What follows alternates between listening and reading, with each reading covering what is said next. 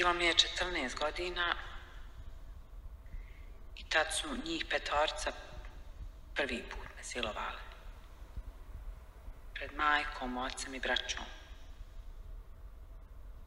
Eto, imaš dijete i znaš, majka si.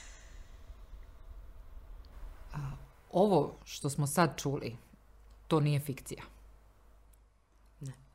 To su ispovijesti koje ste vi, umjetnice, glumice, donijele um, pokušavajući dati glas uh, onim ženama koje su preživjele seksualno nasilje u ratu. Da.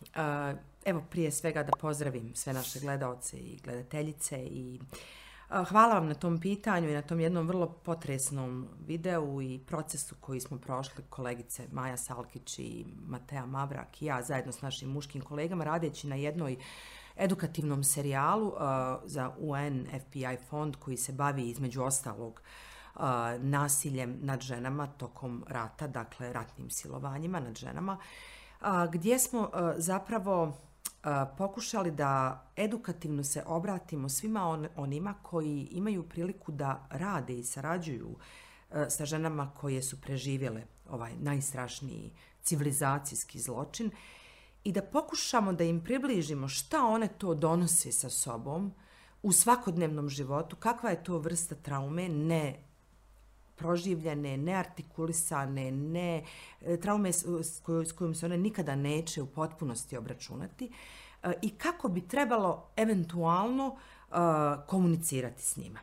Ispovijesti koje ste čuli su nastale na bazi dokumentovanih svjedočenja uh, čak i u saradnji i razgovoru sa jednom od žrtava um, tog strašnog zločina. Ja ne volim reći žrtva i mislim i da te osobe se jako loše osjećaju kada ih se zarobi tim pojmom žrtve, zato što je žrtva sama po sebi nepokretna, ne može da izvrši promjenu, žrtva je žrtva. Uh, međutim, ja ih volim e, zvati herojima, jer su one i nakon jednog, to, to je mitski zločin, Objasnit ću zašto mislim da je mitski. A, to je možda najgori mogući civilizacijski zlo, zločin koji iskrnavi a, samopoštovanje, samopouzdanje, identitet, a, taj jedan brutalni čin a, pokoravanja a, to jednoj predatorskoj, a, seksualnoj, a, monstruoznoj želji. Pa ne znam ni da li je želja koliko je potreba da se, da, da se neko suštinski uništi i, i, i um, eutanazira za, za cijeli život, ali ja ih volim zvati herojima jer su uh, te žene i nakon tih strašnih zločina uspreživjele, zasnovale porodice neke od njih, uh, nastavile živjeti uh, vrlo često u socijalnom društvenom kontekstu gdje su se dogodili ti zločini. Vrlo često su se suočavale i sretale na suđenjima sa počiniocima tih zločina, vrlo često su bile u situaciji da se ciraju najgora sjećanja do najintimnijih detalja i da ih ponovo i iznova proživljavaju i da dolazi do te retraumatizacije da bi dale svjedočanstvo o, i da bi smjestile te ljude gdje treba da, da budu smješteni, a to je u zatvor, na neko smetljište istorije. E, tako da e, ja ih volim zvati herojima i mi smo dakle u, u razgovorima sa nekim od tih žena, heroja, a, konstruisali te priče. A, taj put je vrlo težak zato što a, nije uvijek dobro izlagati javnosti takve priče, niti to te osobe žele. Niti javnost to trpi. Imam osjećaj da svi pribjegavamo nekim lakim temama, valjda zato što smo terećeni brojnim teškim izazovima u svakodnevnici. I onda uopšte priča, ja moram staviti veliku, veliku ogradu na početku, jer ne želimo ni jednom svojom riječju uh, da napravimo tu retraumatizaciju, da na da. bilo koji način vratimo osobe koji su preživjele seksualno nasilje u ratu, većinom su žene, ali ima i muškaraca, u ponovno to stanje. I to se ne radi samo o osobama koje su preživjele, cijele su porodice zapravo Tako zarobljene u, u tom procesu. Ali kako si imala priliku da, da ih upoznaš, mi u medijima skoro da ih nismo ni čuli ni vidjeli. A prema nekim podacima oko 20.000 je da. takvih osoba u BiH. To nije malo. A, jako je teško naći ženu koja želi da priča 25 godina da. poslije tog gnusnog čina ili kod nekih se nažalost to ponavljalo da. nekoliko puta. A, važno mi je da, da razgovaram sa nekim koji je vidio im oči, koji je shvatio da. ko su one danas, ima li tu života nakon seksualnog nasilja uh, i, i mitskog zločina, da. kao što si opisala. Ima li tu života u 21. vijeku za te žene ili su one samo žive, a A, vidite, priče su vrlo individualne i evo, mislim, zašto se o, ta tema ne, ne pominje u medijima. Ja sam imala priliku tokom ovog procesa i rada na ovom, ovim videima da upoznam čovjeka koji se zove Beksad Hođić, koji je doktor psihijatar, koji je uh, doktorirao tu transgeneracijsko prenošenje traume na Harvardu i čovjek koji isključivo uh, se obraća na e, i ovim naučnim skupovima koji piše naučne radove i koji apsolutno izbjegava bilo kakvu vrstu estradizacije nauke i njegovog posla, ali direktno radi sa ženama koje su žrtve, koji koje su preživjele seksualno nasilje u ratu. U tom smislu on je veliki protivnik bilo kakve vrste izlaganja javnosti takvih priča zato što on misli da to nije nešto što može donijeti dobro tim osobama. Ne zato što se dešava taj proces retraumatizacije svaki put iznova, već zato što, nažalost, mi živimo u jednom društvu koje uveliko stigmatizira takve osobe i one pate od jedne vrste i autostigmatizacije. I ja mislim da zapravo svi edukativni načini i sve, znači sva vrsta edukacije i promjene i procesa promjena mora biti adresirana ka društvu, a ne ka tim osobama. Jer samim, samim činjenicom da su one preživjele, da su izlazle na sudove, da su nastavile da žive, da su oformile porodice, da su mnoge od njih radile, one su dakle svjedočile ogromnoj snazi i tome da su one uspjele da nastave dalje. Kako? To je veliko pitanje, vrlo individualno, vrlo teško. Šta je, kako je to afektiralo njihove porodice? Šta znači to za njihovu djecu? Šta znači u stvari ta transgeneracijska transmi, transmisija traume? U kakvoj traumi žive njihova djeca? To je već ogromno pitanje za psihologe, sociologe, psihijatre. A, međutim, te, te osobe su nastavile svoje život. Ja sad uh, mislim da mi moramo podizati društvo uh, koje mora uh, da, se ba, da se bori sa tom stigmom i koje mora pomoći tim osobama u toj autostigmatizaciji. Zašto Balkan nije uh, nimalo da kažem uh, dobro, do, dobar prostorni kontekst? Uh, naime, baš, evo, citirat ću uh, gospodina Behzada, Balkan je uh, E, mjesto gdje je rat konstanta i gdje je mir incidentan, istorijski incidentan. E, I Balkan je mjesto gdje e, zapravo mi živimo u jednom epskom kulturološkom narativu gdje je rat glavni životni događaj. I svi naši identiteti, kako lični, kako porodični, kako kolektivni, su formirani nekim mitskim ratom. I mi čim dođemo do situacije da se rat, da, da, da, do, do jednog istorijskog odmaka, u odnosu na rat, dešava se situacija da se događa novi rat. Znači, mi nikad nismo u, u, u suštini se obračunali sa tom istorijskom traumom, sa tim mitskim. A zašto sam nazvala a, taj strašni zločin nad ženama mitskim? Da, on je od, od Sebinjanki, otnice Sebinjanki, preko a, Trojanskog rata i pokolja troja, tro, Trojanki, preko svih silnih ratova gdje su žene odvođene kao roblje, gdje, kad, gdje su postajale robinje i gdje se dakle gdje je materica u stvari postoje, e, bivala taj neki glavni cilj uništenja materica gdje nastaje život, uterus gdje nastaje život, a, e, e, gdje je u stvari prapočetak svega, ona je bila znači glavni cilj destrukcije. E sad, moje je pitanje, evo mi svjedočili smo znači šta se događalo u Bosni i Hercegovini i generalno na Balkanu i a, u, u, u tom našem posljednjem ratu, ali evo mi svjedočimo i danas šta se dešava u Afganistanu, šta se događalo i jezitskim djevojčicama. A, I zapravo je pitanje da li je civilizacija i kako odmakla od tog primodijalnog a, mitskog grijeha a, otmice sebinjanki, odnosno a, pokoravanja, ubijanja, zlostavljanja i odvođenja u roblje a, trojanki. I to je nešto što je zastrašujuće. Mi imamo Ehm. Jesu li žene najlakši plijeni dan danas? Jer kad razgovaramo uh, o jednakosti, o rodnoj odgovornosti u svim segmentima, o nezavisnosti žena, često će žene iz našeg nekog kulturološkog socijalnog kruga reći mi smo ravnopravne, pa čak i nekad privilegovane.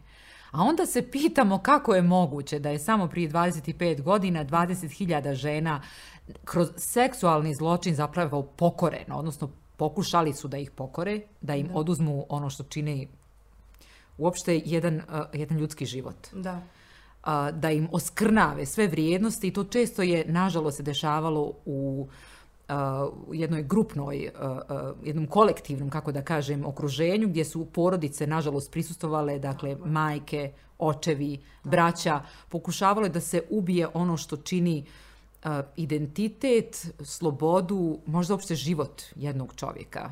Mislim, malo imamo riječi da sad objasnimo šta tako to je, znači. Tako je. Mislim, ja zaista, evo, ovaj, i kao jeli, umjetnica, glumica, majka i prije svega toga žena, bez obzira koliko sam radila na tome, nisam mnogo, nisam mnogo, znači moj rad je bio, bio u sferi primjenjenog teatra, odnosno socijalnog teatra, odnosno teatra u socijalnoj zajednici, gdje on prevashodno služi da bi promijenio određene društvene kontekste, na osnovu čega je napravljen taj edukativni serijal.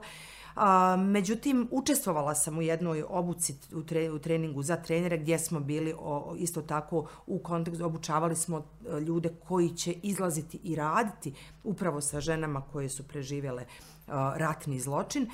A, u tom kontekstu a, hoću da kažem da žene jesu najlakši plijen zato što su ponekad fizički slabije. I zato što je u nekako u nekom uh, etnografskom uh, kontekstu rat pripada muškarcu, ratove počinju i vode muškarce. Sad i o tome možemo razgovarati da li je u stvari uh, politika i rat nešto što u stvari je nekako nužno muški arhetip, dok e, sve drugo, intuitivnost, osjećanjost pripada ženama, mislim da e, prosto se i to mijenja i drugačije, ali žene jesu od uvijek bivale, kao i djeca, e, najlakši i najnedužniji plijen i to, dakle, porobljavanje žene i to odvođenje žene u robstvo, to čin silovanja žene je dakle, opet kažem, uništavanje uterusa, uništavanje središta odakle nastaje jedan narod, odakle nastaje čovjek. I to je zapravo najstrašnije. I zato je, on jeste nekako u genomu usmjeren ka majku, ženu, osobu koja rađa uh, dijete koja rađa dakle pripadnika jeli, naroda i zato i jeste u stvari potreba da se taj dio njenog tijela skrnavi, da se ona učini nemoćnom za bilo kakvu vrstu ovaj daljeg života i reprodukcije. Jeli. To, to je, uh, mada, mada ja opet kažem, vrlo je vrlo je uh, pogrešno svoditi ženu danas na mašinu za rađanje i voljenje. Uh, nije to nešto što želim da kažem, ali to je princip po kojem djeluje taj organizirani zločin. To nije incidentni zločin, dakle e, ratna silovanja nisu incidentni zločin, ratna silovanja su organizirani zločin. Ono što je moja poruka gledalcima u ovom nekoj maloj biopsiji sa kojom sam ja imala uh, u, ja kažem biopsiji, jer sam ja vrlo, ma, sma, vrlo malim brojem uh, žena imala priliku da se sretnem i radim, da bi izlačila neke dublje zaključke, ali ja želim da kažem da bez obzira kakva je a, bol u pitanju i trauma, da se u tome nije uspjelo. I a, te žene su nastavile život. A, ovo svjedočenje s početka što smo čule, e, radi se o ženi koja je imala 14 godina, dakle djevojčica ili djevojka, da. ne znam kako da, da to da. klasifikujem, koja je uh, uh, nekoliko puta zapravo bila uh, uh, žrtva seksualnog nasilja u, u ratu. Uh, obje imamo čerke i razmišljam o, o tome, mislim, to zaista na, na bazi je noćne more, kako je moguće da neka živa osoba, pa bilo to muškarac ili žena, želi da takvu bol nanese nekome ko ima samo 14 godina. I s druge strane, ovo što kažeš, to je organizovan uh, sistemski zločin. Uh, ne razumijem kako je došlo do te organizacije? Mislim, nije se to desilo samo u ratu u Bosni i Hercegovini. Nažalost, širom svijeta, e, tokom svih vijekova su takvi e, zločini e, su se činili i čine se i dalje.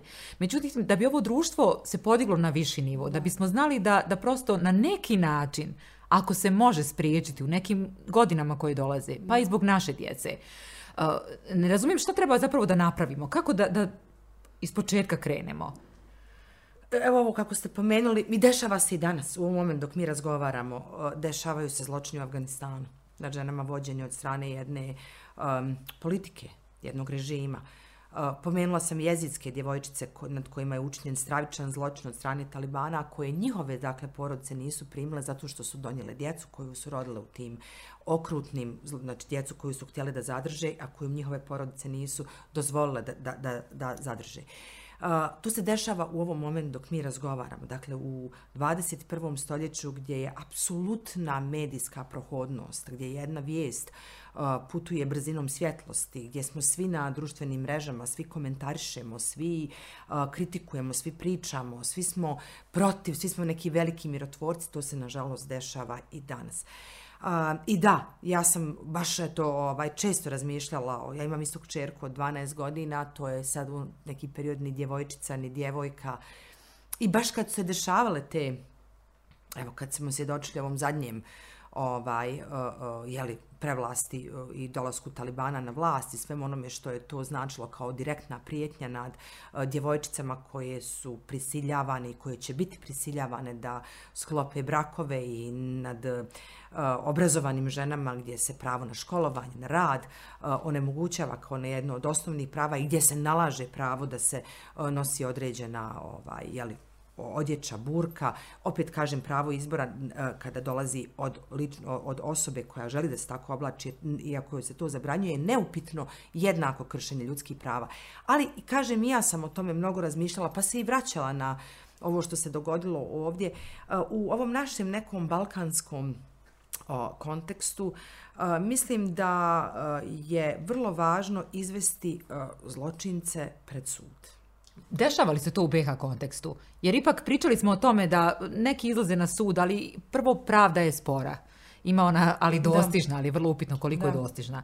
S druge strane, brojne, nažalost, sudske procese su kočili odlasci ljudi u, ne znam, naše susjedne zemlje, imali su dvostruka državljanstva. Nekad su i neke da. političke elite držale im leđa, pa onda da. nisu mogli biti procesuirani. I zato se pitam koliko uopšte taj sudski proces je relevantan. Pa vidite, ovaj, uh, ja, užasno mali broj, evo ja ću se napraviti jednu komparaciju koja možda nije ovaj, u ovom kontekstu, ni, ni, ali evo vezano za taj uh, broj optuženih. Dakle, u, uh, ja mislim da je svega desetak u prvom suđenju ljudi odgovaralo uh, za zločine u Auschwitzu. Uh, na fašistički zločini, nacistički, nacistički zločini su morali da uh, regrutuju jako puno ljudi, ne samo u Njemačkoj, nego i u onim mjestima gdje su postojali ti logori. Dakle, mi ne možemo izvesti, izvesti nažalost, i ne izvodimo ovaj, i ovdje, uh, sve one koji su to počinili i sve one koji su to podržavali, ako ništa šutnju. Međutim, uh, onog momenta kada vi to osudite, kada se osudi, kada se jasno izvedu, ako ništa oni koji su predvodili i komandovali, kao što se dogodilo sa uh, zločincima kao što su Mladić, Karadžić, Milošević, uh, onda mora doći do jednog suočavanja, uh, da kažem, I mislim, ovo, ovo sad, uh, hoću da kažem, zločini se dešavaju, su dešavali na svim stranama, međutim, nad bošnjačkim ženama, nad bošnjačkim narodom je taj zločin bio organiziran i masovan i predvođen, strukturiran. Um, ja hoću, i, ali to ne umanjuje bilo čiju žrtvu, da se razumijemo, žrtva je žrtva sa bilo koje strane, to je ljudsko tijelo, to je ljudsko biće, to je nečija sestra, nečija majka, ne, nečija supruga, nečija kćerka i apsolutno nikada nisam ovaj, zato da se umanjuje bilo koja žrtva i bilo, sa bilo koje strane, ali mi kao narodi, na Balkanu moramo uh, jednog uh, moramo doći do stepena odgovornosti kada ćemo se suočiti sa vlastitom istorijom. Uh, da bi se mogli reprogramirati i drugačije nastaviti u budućnosti. To je vrlo težak proces, vrlo spor proces. On je po mom mišljenju počiva na dva velika civilizacijska temelja, to su kultura i, i obrazovanje. Mislim, mi kulturom i obrazovanjem možemo učiniti mnogo više nego sudskim procesima i suđenjima koji opet izazivaju revolt. A, mislim da kultura i obrazovanje treba tu da učini mnogo i treba da u stvari time da, da, da stalno i konstantno ponavljamo i obrazujemo i uh, govorimo i izlazimo u javnost uh, sa takvim pričama da se rade takvi filmovi. Jedan, jedan film Grbavica je učinio. E šta je umjetnost uradila po tom pitanju? E, to eto, o tome se radi. Znači, vi imate film Grbavica koji je uh, promijenio, mislim, promijenio uh, otvorio, bacio svjetlo na ovu vrstu problema, ne samo na Balkanu, nego u cijeloj Evropi. Evo imate sad znači, taj Kjevadi Saida gdje se opet problematizira rat iz ženske vizure, iz ženskog diskursa koji stavlja ženu u poziciju nemoći. Film su vidjeli stotne hiljada ljudi, jedan i drugi. Film je dobio nagrade, bio nominovan za Oscara, pobjedio u Berlinu. U tom smislu mislim da umjetnost ima veliku, ogromnu masu ljudi koju se obraća I a, u tom kontekstu umjetnost je vrlo moćno oružje, umjetnost i kultura. Mi čak možda nekad nismo ni svjesni koliko je to moćno oružje i koliko je važno oružje a, u smislu da se a, popravljaju stvari, da se popravlja svijest, da se, a, da se edukuju mladi, da se, jer mislim, mi se nalazimo svi u posljednjoj trećini života. Uh, mi ovi koji se sjećamo ovog posljednjeg rata. Mislim da je važno edukovati i obrazovati generacije koje neće željeti da pobjegnu iz ove Bosne i Hercegovine koju doživljavaju kao prostor masovne grobnice. Generacije koje neće biti formirane ratnim narativima. Generacije koje neće, evo ja radim sa djecom jako puno, dakle radim već godinama, 20 godina. E, u zadnjih nekoliko godina naša djeca govore engleski jezik između sebe. To je njihov primarni jezik odustajanje od jezika je odustajanje od, od identiteta i kulture. Zašto? Zato što oni ne mogu više da podnesu a, kulturu u kojoj a, je stalno prisutan strah, stalno je prisutna trauma, a, stalno je prisutan a, taj ratni narativ, taj ratni ep, stalno je prisutan strah da će se to ponoviti, da će oni postati topovsko meso, meso ili te jezitske djevojčice uh, o kojima sam govorila u balkanskom kontekstu. I onda ta djeca, dakle, uzimaju engleski, imate taka, taj motiv u filmu Stršljen, gdje je u stvari jedna, uh, gdje dvoje ljudi koji su različitih nacionalnosti, nalaze se u ljubavnoj priči, govore na engleskom, film koji je rađen 90. godina, jel? ali o, već tad je najavio i prejudicirao, prejudicirao taj problem. Oni kažu, mi smo izmislili naš jezik i naša djeca žele da napuste Bosnu i Hercegovinu vrlo često je Balkan. Oni žele da pobjegnu negdje. Zato što je ovo za njih prostor, a, prostor jedne masovne grobnice, prostor tuge, nesreće. E sad, a, kako? Kako a, zadržati kulturu sjećanja? Ne zaboraviti, jer se zločini ne smiju zaboraviti, govoriti o njima, ali sa druge strane ne potpirivati stalno mržnju i razlike. A to čini mi se da je jako teško i kroz uh, medijski narativ koji o tome uh, pokušava da govori, posebno kad su neke godišnjice. Mi zapravo uh, imamo osjećaj priče, pratimo svake godine, ne znam, 11. juli, Srebrenica, uh, ne znam, u Vukovaru nekakve proslave ili obilježavanje, bljesa, koluja, neke akcije. Uh, kako god gledamo na sve to, samo postoji jedan dan kada poklonimo tri minute u dnevniku za e, priču koja, rekla bih, vrlo malo oslikava ono šta se zapravo desilo da bi te nove generacije razumjele. I s druge strane, kulturu sjećanja koja je obično obojena određenim političkim, etnonacionalističkim spinovima, propagandama koje onda opet rade za tu a, a, jednu novu političku elitu koja se hrani tim ratnim traumama i mesom. I jedni drugi održavaju. Tako, ja, ovaj, e, nažalost, e, ratna trauma i ratna stradanja, ogromna, užasna, uh, na ovim prostorima ne bi smjela da, da budu političko oružje, a nažalost jesu. I ne bi smjela uh, uh, da potpiruju mržnju, jer vidite, i ako su sve te žrtve pale i dogodile se, i ako su svi ti pokolji se dogodili da bi se ljudi mrzili, i da bi ljudi, da, da bi se to ponovilo, onda je to uzaludno. A nema, nema gore stvari od uzaludnosti. Uh, trenutno je u procesu otvaranje memorialne bijele sobe koja će, u kojoj će biti smješteni predmeti ubijene djece grada Sarajeva, da, dakle djece koja su ubijena tokom opsade Sarajeva.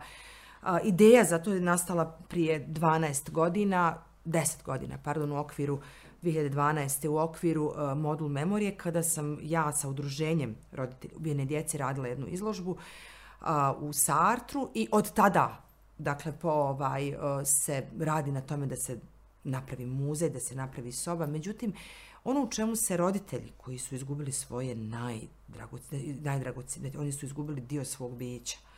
Uh, ono što oni žele jeste da ta bijela soba bude kako prostor koji čuva sjećanje na njihovu djecu e, kako opominje od zaborava, da bude prostor edukacije budućih generacija da je rat strašno zlo. Da je rat užasno zlo. I da oni koji zagovaraju rat, u stvari zagovaraju tako što zalažu kao pijune nečiju tuđu djecu, ne svoju. I ja mislim da je taj kontekst, i ako govorimo u tom kontekstu, mislim da, je, da, da on tad ima neku svoju edukativnu moć. Dakle, uvijek se prelama preko tuđe djece, ne onih koji zagovaraju ratove i, i, i, i ubijanja. Ne, nisu njihova djeca u prvim redovima, nisu u rovovima, nisu izložena granatama, nego, nego nečija tuđa djeca. Tako da u tom smislu uh, i nečije tuđe žene, ne, nečije tuđe kćerke, ne, nečije tuđe sestre. Tako da u tom smislu uh, mislim da, da je bitno educirati, da je bitno uh, uh, se lišiti mržnje, da se bitno se lišiti tog nacionalnog uh, konteksta, političkog, huškaškog. Uh, prost... imamo li mi mehanizme? Imamo ja li snage? Da imamo. Ja mislim da imamo, mislim da imamo, da se ovdje stasava jedna generacija koja zaista uh, hoće da se suoči sa, pogotovo, evo kažem, o generaciji nekoj 2006. 2005. dakle sad nekim srednjoškolcima, oni zaista hoće da žive bez tog bremena prošlosti, a da ga ne zaboravljaju. Ali okruženje je jedna stvar. Dakle, bilo bi sjajno da imamo okruženje koje je maksimalno inspirativno, motivirajuće, podržavajuće za nove generacije, da bi oni zaista bili bolja verzija nego što su njihovi roditelji, njihovi uh, praroditelji i tako dalje. Međutim, zanimljivo je ono što ste pomenuli na početku, uh, taj transgeneracijski kod, ta trauma koja se prenosi, pa mi vjerovatno imamo negdje zapisano, koliko ja sam pratila mm -hmm. najnovije istraživanje, ili sad shvatamo da određene informacije su u našem DNK kodu zapisane od naših praroditelja. Nema veze da li je to 18. 19. vijek preživljavanja i posebno po ovoj ženskoj liniji. Zanimljivo je. To je epska kultura, to je stvar, taj, taj ep i mit. da, nastavite. A, ali raz, razmišljam o tome uh, koliko je u meni, negdje na, da li je to podsvjesni, nesvjesni nivo, nema veze, zapisano stvari koje je preživljavala moja prabaka u uslovima koji su meni danas nepojmljivi, a da je u evolucijskom smislu prošlo ha, manje od 100 godina. To je vrlo kratko. Da, da. A sad smo ovdje u 21. vijeku, imamo osjećaj da nam je sve dostupno, da smo slobodni, da, da možemo da biramo, a negdje i dalje imamo informacije da smo do juče preživljavale, da su djeca umirala od gladi, da su žene umirale na porodima zbog nevjerovatnih uslova, da su pokoravane, ponižavane, na brojne načine osakaćene u onome što su one i tada bile i, i željele da postanu. I onda se pitam kako se nosimo sa svim tim i šta je to što kroz transgeneracijski kod, odnosno tu traumu prenosimo na, na, našu, na naše nasljednike. Pa da, pa vidite, mislim, to nije samo balkansko pitanje, možda uh, radikalno balkansko, jer Balkan je prostor gdje ima jedan, jedan poseban diskurs žene koja je, e, uh, jeli, eto, rekla sam, mašina za voljenje i rađanje. Uh, naravno, naravno da, ovaj, da mi nosimo u svom nekom genomu, u uh, toj nekoj transgeneracijskoj transmisiji uh, nasljeđe naših uh, nana, pranana, uh, pra pa i majki. Međutim, ja volim da uh, uh, osvijestim kad radim sa, jeli, sa studentima i studenticama i sa djecom, da osvijestim ono gdje su bili uh, generacijski uh, čvorovi promjene, gdje su bile te tačke promjene, gdje su se u stvari učinile ogromne uh, promjene u kontekstu emancipacije. Dakle, uh, moja majka je bila direktorica jednog sektora spoljne trgovine za veliku firmu Uniscomerc, predavala je kulične ležajeve, bila je na putu više nego ja. Uh, me, dakle, to je neki kontekst promjene ovaj, koji ona nosi sa sobom. Uh, ne znam, recimo, moja nana je bila domaćica, međutim, uh, domaćica koja je već tih nekih uh, 50-ih godina ili 60-ih kad se pojavila prva mašina za pranje suđa, ona je bila u njenom domu. Dakle, ona je, ona je bila domaćica koja je prigrlila sve ono što jednoj domaćici može da, da biti pomoć. Na kraju krajeva bila je žena koja je završila srednju školu, obrazovana žena, mada je, je pripadala jednom a, vrlo urbanom, gradskom, patrijarhalnom kontekstu, a, ali je a, uspjela da završi jeli, ovaj, srednju školu i da se zaposli i da radi do momenta kad se udala i kada je zajedničkom odlukom ostala kući jel, da podiže djecu. Međutim, u jednom sasvim drugom kontekstu, što kad kažemo domaćica, majka i paćenica. Ona je dakle prigrila sve ono što je tehnološki ovaj razvoj ženi donio. Ono što ja primjećujem da je i dan danas neki uh, vrlo pogrešan genomski kod, a to je da žena ovdje mora biti neka vrsta paćenice. Da mora biti u stanju da i podiže djecu i da radi, da doprinosi kućnom budžetu, a da pritom uh, svaki dan napravi genijalan ručak i da, ne znam, opegla hrpu veša i uh, onako jedna žena udarnica. I ako nisi to, uh, ti život shvataš razmaženo, shvataš ga površno, uh, ti si neko ko, ne znam, nije dostojan te uloge majke i supruge.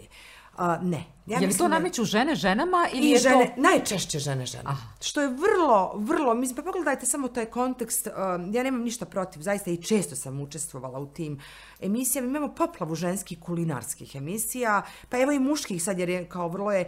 Um, vrlo je seksipilno zanimanje muškarac kuhar, ali žena u kuhinji je neko ko se, onaj mašina kao onaj blender. Podrazumijeva se da ona to savršeno, precizno, fantastično uradi. Evo, ja ne volim da kuham. Ne znam da kuham i to je jedna od e, vjerovatno 50 stvari koje ne znam da skijam, da vozim biciklom, da vozim role. Ja imam e, od uvijek predivne žene koje su uposlene kod nas kao domaćice i koje prave vrlo ukusna jela za moju porodicu. E, ja kao žena koja ima određeno obrazovanje i koja je u stanju da radi četiri posla jer imam ženu domaćicu koja me zamijeni u kući, ja mogu to sebi da priuštim. E, mnoge žene koje su, e, mi sad ovdje ćemo da ne govorimo o nekom socijalnom uh, Eh, kontekstu gdje mnoge žene to ne mogu priuštiti sebi, apsolutno to razumijem. Međutim, ja poznajem eh, žene koje to mogu sebi priuštiti, ali one i dalje trče sa posla na pijacu, e, lome se, vuku cekere, da se svaki dan napravi nešto ukusno za svoju porodicu, da se to onda još ako može i ovijeko vječi nekom fotografijom, pa ako da se možda se nešto malo i ishekla, mislim sad se naravno ovaj, šalim. Ja mislim da taj kod da žena mora biti neka paćenica, udarnica, e, da on je jako pogrešan, e, da naravno ako voliš da kuhaš kuhaj, ako, ako te to zadovoljava to čini, mene ne. Mene, ja volim da to vrijeme potrošim da e, budem sa svojom djecom i da jeli, nešto radim korisno sa svojom djecom, to je ono što ja volim, neko drugi voli nešto drugo.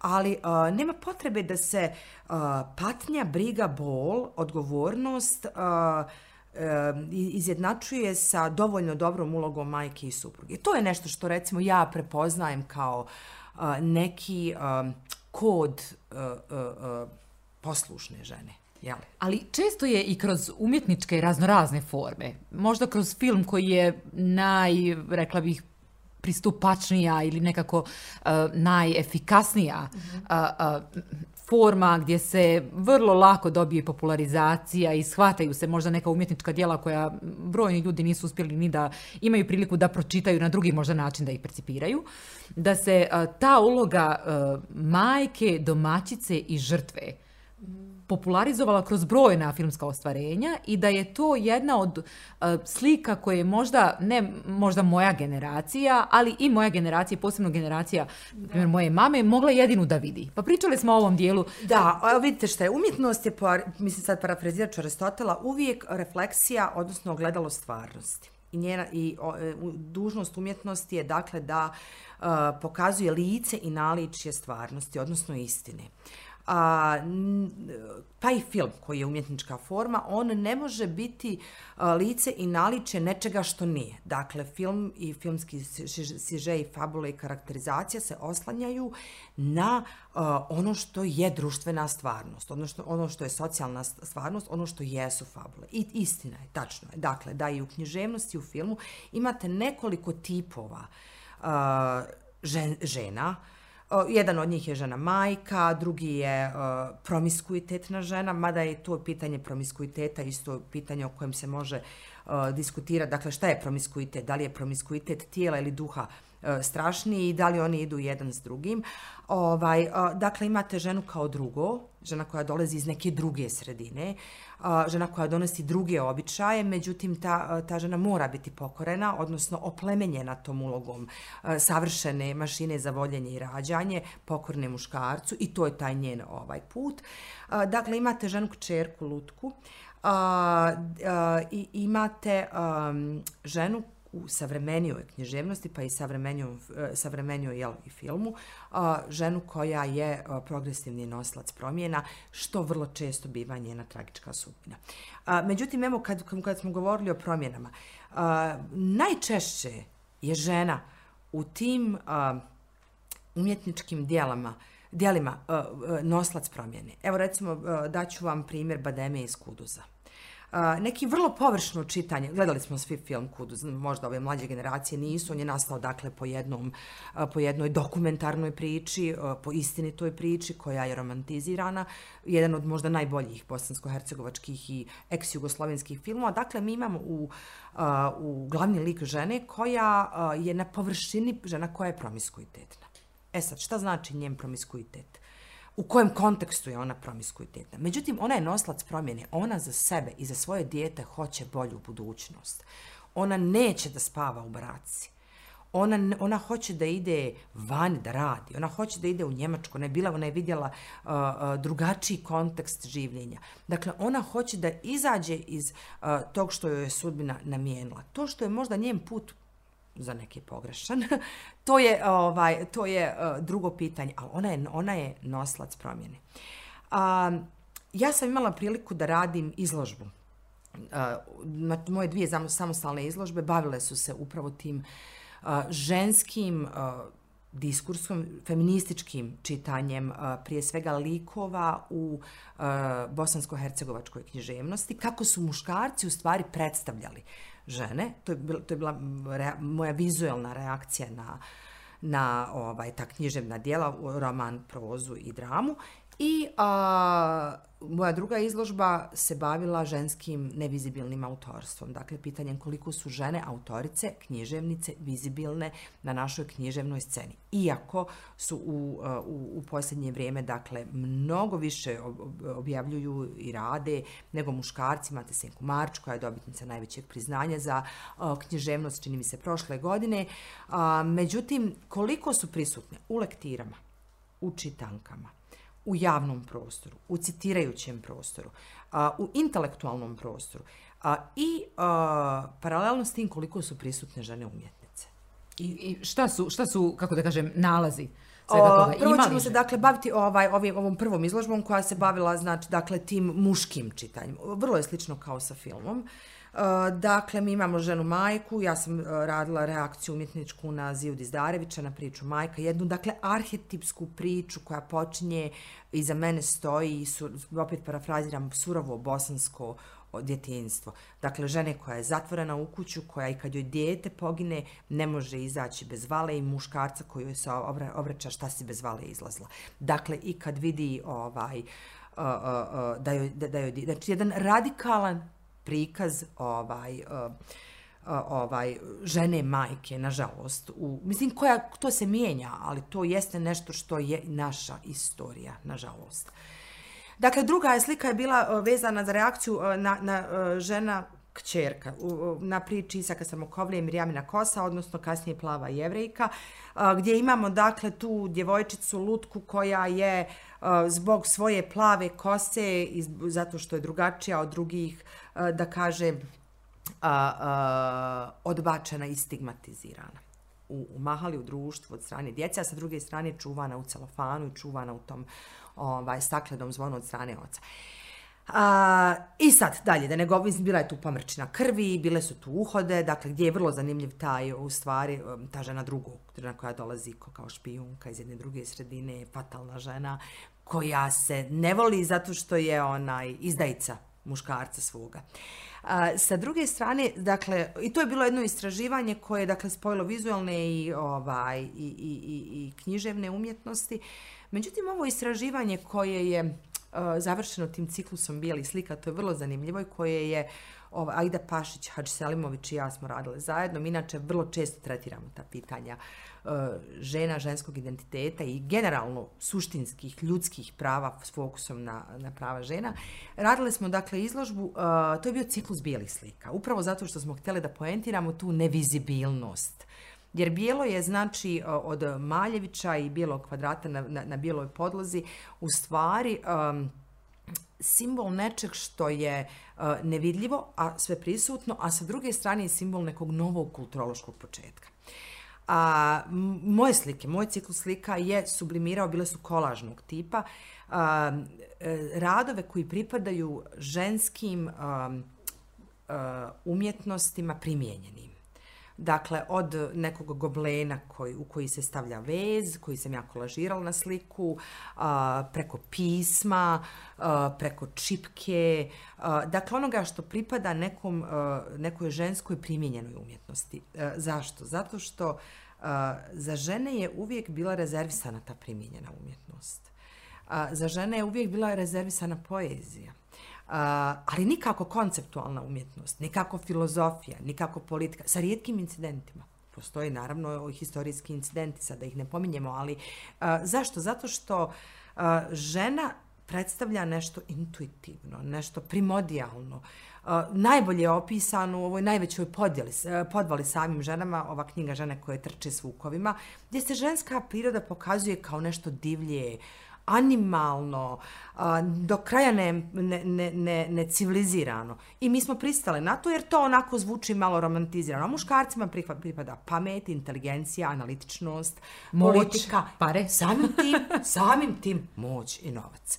Um, U tom smislu, e, dakle, a, a, a slika ide Hadž, e, a, Paš Hadž Salimović su, dakle, a, također sublimirale, dakle, radove pismo, nevidljivo pismo na platnima i pismo na svilenim maramama, što isto ovaj asocijativno ukazuje na tu žensku umjetnost, na slikanje na svili, oslikavanja tkanine, ne znam, u nekim kulturama ebru umjetnosti. Međutim, ono što je bilo historijski, vrlo zanimljivo. Mi smo tu izložbu otvorile 8. marta. 2020. godine, već 12. marta se dogodio lockdown, za četiri dana nakon te izložbe i tu izložbu je vidjelo svega nekoliko ljudi. Što znači da se i sudbinski nekako historija poigrala i rekla da eto, i za, još za neko vrijeme će žene ostati nevidljive u, i te slike koje govore o njihovoj nevidljivosti će ostati u zatvorenoj galeriji. Tako da sam kontekst vremena im je dao ovaj određeno ponovno konceptualno značenje. Ali negdje vjerujem da je kroz taj sam proces kreiranja izložbe, uh, bar se meni tako čini, da su u doba kada su žene više imale vremena za, hajmo reći, tu primjenjenu umjetnost, one su to shvatale, pretpostavljam, kao vrijeme da se malo odmore, pa bi nešto uh, šile ili vezle, ili prilika zapravo za socijalni kontakt, gdje su se družile i imale neku mogućnost razmjene ovaj, uh, svojih tema i dilema, zavisno od doba. Uh, da je to neka vrsta bila i meditacije ili vrsta terapije. A, pričali smo o, o mogućnosti art terapije, odnosno ako se vratimo na početak naše priče i, i a, mogućnost da žene koje su preživjele određene zločine u ratu, a prije svega seksualno zlostavljanje, da se negdje izraze, da možda tu svoju priču ne mogu riječima da verbalizuju, niti da objasne bol koja ih iznova i iznova prožima, ali možda je umjetnost jedan od načina gdje mogu da kanališu određene emocije i da traže svoj put izlječenja. Da, ja apsolutno mislim da jeste. To se dakle zove art terapija. To je sad nevezano za ovo što je bilo kontekstualizirano vezano za izložbu. A, svaka vrsta art terapije je više nego dobrodošla. Prije svega zato što su to mjesta gdje se žene socijaliziraju, druže i kroz taj rad sa rukama. Dakle, da li je to e, dekupaž, da li je to transfer, da li je to slikanje, da li je to kaligrafija, um, da li je to akvarel, da li je to upravo taj vez, pletenje. Dakle, one uh, sk, uh, na određeni način imaju mogućnost da skrenu ovaj, uh, tok misli. E, vrlo bitan segment e, u teatru je taj primjenjeni teatar, odnosno art terapija, odnosno psihodrama. E, Takođe, koja je vrlo je ovaj korisna i često se rabi i odgovorno tvrdim iz nekog mog ličnog iskustva a zaista ga u tom segmentu, Bavaren, kad je riječ o forum teatru, od saradnje sa Voalom i Jacksonom, pa do kasnije implementacije tog što sam naučila na tim radionicama, zaista je jako ovaj, koristan i zaista je katarzičan na kraju krajeva. Apsolutno mislim da je umjetnost uh, i art terapija, pa muzikoterapija, terapija plesom, je nešto što može pomoći i između ostalog ženama koje su ovaj preživjele tako strašno nasilje, a možda čak i više uh, onima koji su žrtve te transgeneracijske traume, odnosno njihovoj djeci. Nažalost, u Bosni i Hercegovini uh, veliki broj uh, tih žena i njihovih porodica ne živi u velikim gradskim centrima gdje imaju mogućnost da se bave ovaj uh, takvom vrstom art terapije, odnosno jeli, umjetnosti koja će im pomoći. I čak u, ovoj, u ovim videima koje smo mi radili u, za, za taj um, edukativni ovaj kontekst, e, mi imamo jednu scenu gdje uh, dolazi žena da se priključi e, jednoj likovnoj radionici gdje biva prihvaćena od, od voditeljice te aktivnosti, upravo sa namjerom da damo ideju, da impliciramo da možda neki uh, grantovi, projekti mogu biti usmjereni ka otvaranju takvih centara. Recimo, vi u Sarajevo imate Nahlu. Nahla je predivan centar gdje žene osim te art terapije mogu učiti jezike, mogu informatičke vještine sticati, baviti se jogom, a prije svega doći u jednu sredinu koja ih prihvata, razumije i koja ih aktivno sluša.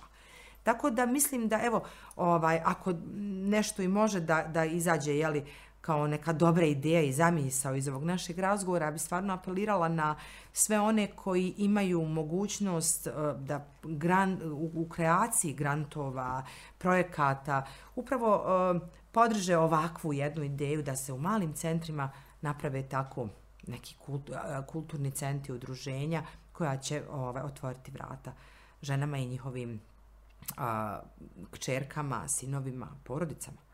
Tako je. Ja mislim da cijele porodice moraju proći kroz taj proces uh, samoozdravljenja da. i da to jedini je put da, da društvo na neki način dobije uh, zdraviju formu. Uh, ali neću da završim ovaj razgovor da ne pomenemo dva važna pokreta koja su se, uh, rekla bih, uh, u, u svjetskoj stvarnosti, onda u Bosansko-Hercegovačkoj značajno odjeknula. Prvi je Me Too pokret, gdje su zapravo i hollywoodske glumice, producentkinje, rediteljke, zvijeze za koje se nama čini da su apsolutno nedodirljive, da imaju svu moć svijeta. Pokazale vrlo ranjive u raznim fazama karijera, uh, laka roba, uslovno rečeno, lako su postale plijen a, zato što su zastrašivane, zato što nisu razumjele kontekst, zato što su možda mislile da to tako mora. I onda se dešava i u ovoj našoj balkanskoj stvarnosti nekoliko pokreta. Nisi sama, pa onda u, u Sarajevu nedavno nisam tražila. Spasi me, da. da spasi da, da. me, pa svjedočenja glumica iz, iz Beograda da ih je zapravo učitelj glume uh, zloupotrebljavao ili seksualno uznemiravao i silovao. Uh, šta sa to sve znači za nekoga ko danas, poput tebe, mi malo persiramo se, malo ne, ja se... Nema veze, to je, to je taj naš ženska nesigurnost, da možemo i da se persiramo i ne persiramo, sve jedno je. Da, osjećam, osjećam da, da smo bliske i da nekako naravno, dijelimo ovu neku da. dobru energiju, pokušavajući da je kanališemo u nešto pozitivno. Šta je to za, ako možemo na ti, mm. za, za tebe koja sada radiš, koja egzistiraš ovdje, značilo sve to što se desilo od Hollywooda do Sarajeva, Beograda, Zagreba i svih drugih mjesta? I kako uopšte pronaći svoju priliku da stvari stvari malo popravimo, 2%. Da, vidite, ovaj, ja bih tu malo obrnula perspektivu. Vi ste rekli da one nisu bili nedodirljive. Ja bih obrnula perspektivu i rekla ti koji su optužili nisu bili nedodirljivi i izvedeni su pred sud. Ali tek 20 da. i nešto godina kasnije. Moglo je brže. Da, naravno. Ali hoću da vam kažem da u kontekstu uh, seksualnog uznemiravanja, seksualnog zlostavljanja, uh, rodnog uznemiravanja, niko nije nedodirljiv. Niko. I uh, apsolutno svako će biti izveden na sud ukoliko osoba koja se osjeća povrijeđenom se odluči da pokrene taj proces. Ono što je meni jako važno u tim svim pokretima koje ste nabrojali je to da promijenimo percepciju javnosti prema profesiji glumačkoj.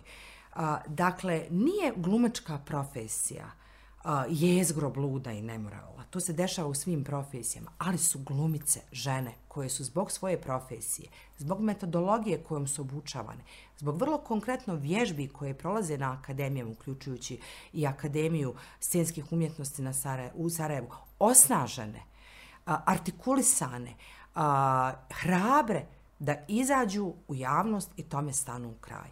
Dakle, e, vrlo je bitno, zato što e, ja bih voljela da ovaj razgovor upravo završimo sa hrabrošću. Dakle, glumice prolaze kroz e, sistem treninga koji ih svakodnevno stavlja u nečije cipele, u nečije iskustvo.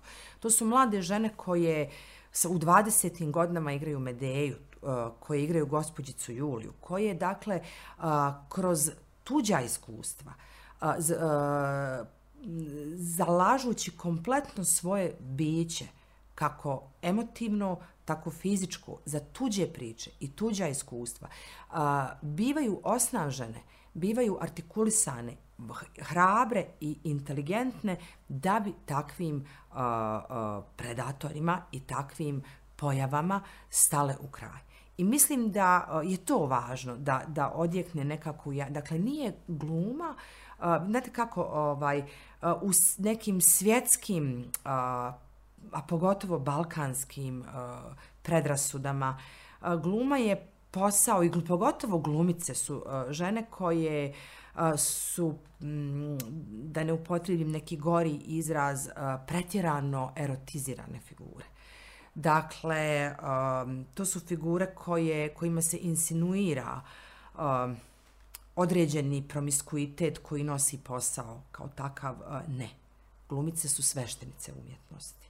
Dakle, glumice su osobe koje ne samo da, da će to spriječiti, zaustaviti, nego će se boriti za druge, kao što je slučaj jeli, sa Jelenom Veljačom, koja je važan dio ovaj, pokreta Spasive, sa četiri mlade studentice, odnosno tri glumice, jednom dramaturginjom koje su pokrenule, nisam tražila, preko tog velikog svjetskog pokreta mi tu koje su upravo pokrenule ovaj glumice. E sad šta to za mene znači? To, to, to, to za mene kao nekoga ko ja sam eh, prije svega glumački pedagog. Ja sam profesorica na Akademiji scenskih umjetnosti i a, pedagog ispred Helenog Redi Dramske akademije gdje radim sa djevojčicama i sa dječacima, ali evo sad govorimo o, o, o, o djevojkama i ženama.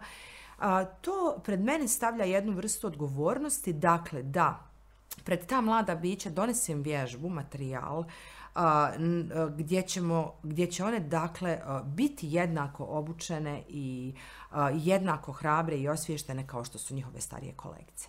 Dakle, da, da nastavimo onako kako smo radili a, i da na određeni način a, osvještavamo mlade ljude. To je razlog e, zašto ja smatram i to bi mogla biti jedna neka od poruka i korisnih ovaj, ishoda ovog e, našeg razgovora.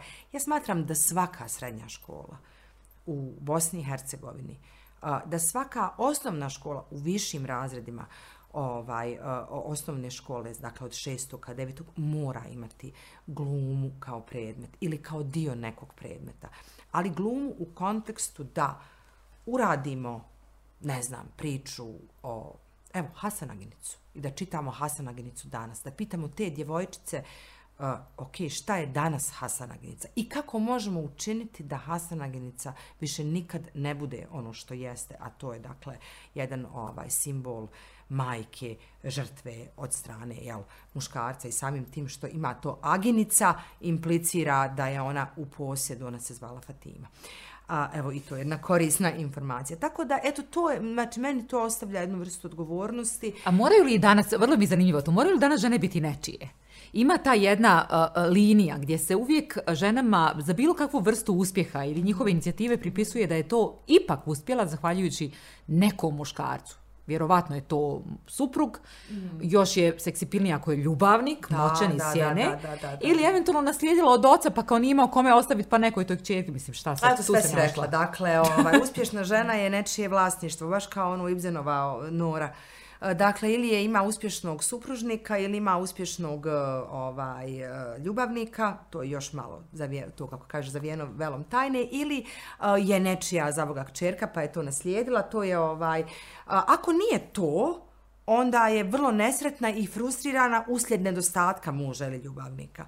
O, mislim, to je, ovaj, to je isto nešto što je, uh, pogledajte samo kako se u javnom uh, prostoru govori o ženama. Dakle, ako izuzmemo potpuno politički ovaj, uh, kontekst uh, i poredamo žene iz raznih političkih uh, partija, raznih uh, uh, da kažem, konteksta iz koje, od novinarki, političarki, doktorica, uh, one se prvo oslovljavaju sa gospođom mislim, e, gospođa e, implicira pripadnost, e, ne sa titulom, a dalje one su uvijek, ili su nekoj muž je nešto završio, muž, je, muž stoji ispred nje, ili je u vezi s nekim, uvijek, uvijek je taj uh, mistični uh, balkanski uh, fenomen kreveta koji je kao ono nešto zavijeno velom tajne za Boga kao da nije 21. vijek, ili... Uh, ili je ona puna nekih frustracija jer to sve skupa nije ovaj e, e,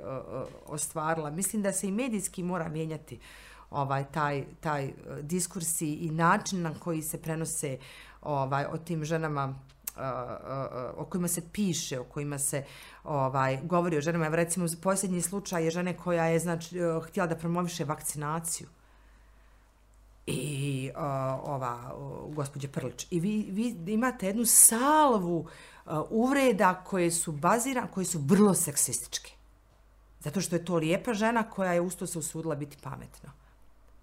To su, to su salve seksističkih uvreda. A, uh, dakle, to je nešto što se mora mijenjati, to je nešto sa čime se ovaj, na individualnom planu moramo nositi i boriti, a, uh, gdje moramo odgovoriti. Pazite, ja nisam zato, ja vrlo malo poznajem feminističku teoriju. Uh, poznajem tek toliko koliko mi je trebalo za praktični rad. Žao mi je, vjerovatno ću nekada imati mogućnost da se i, da se i tom teorijskom dijelu posvetim.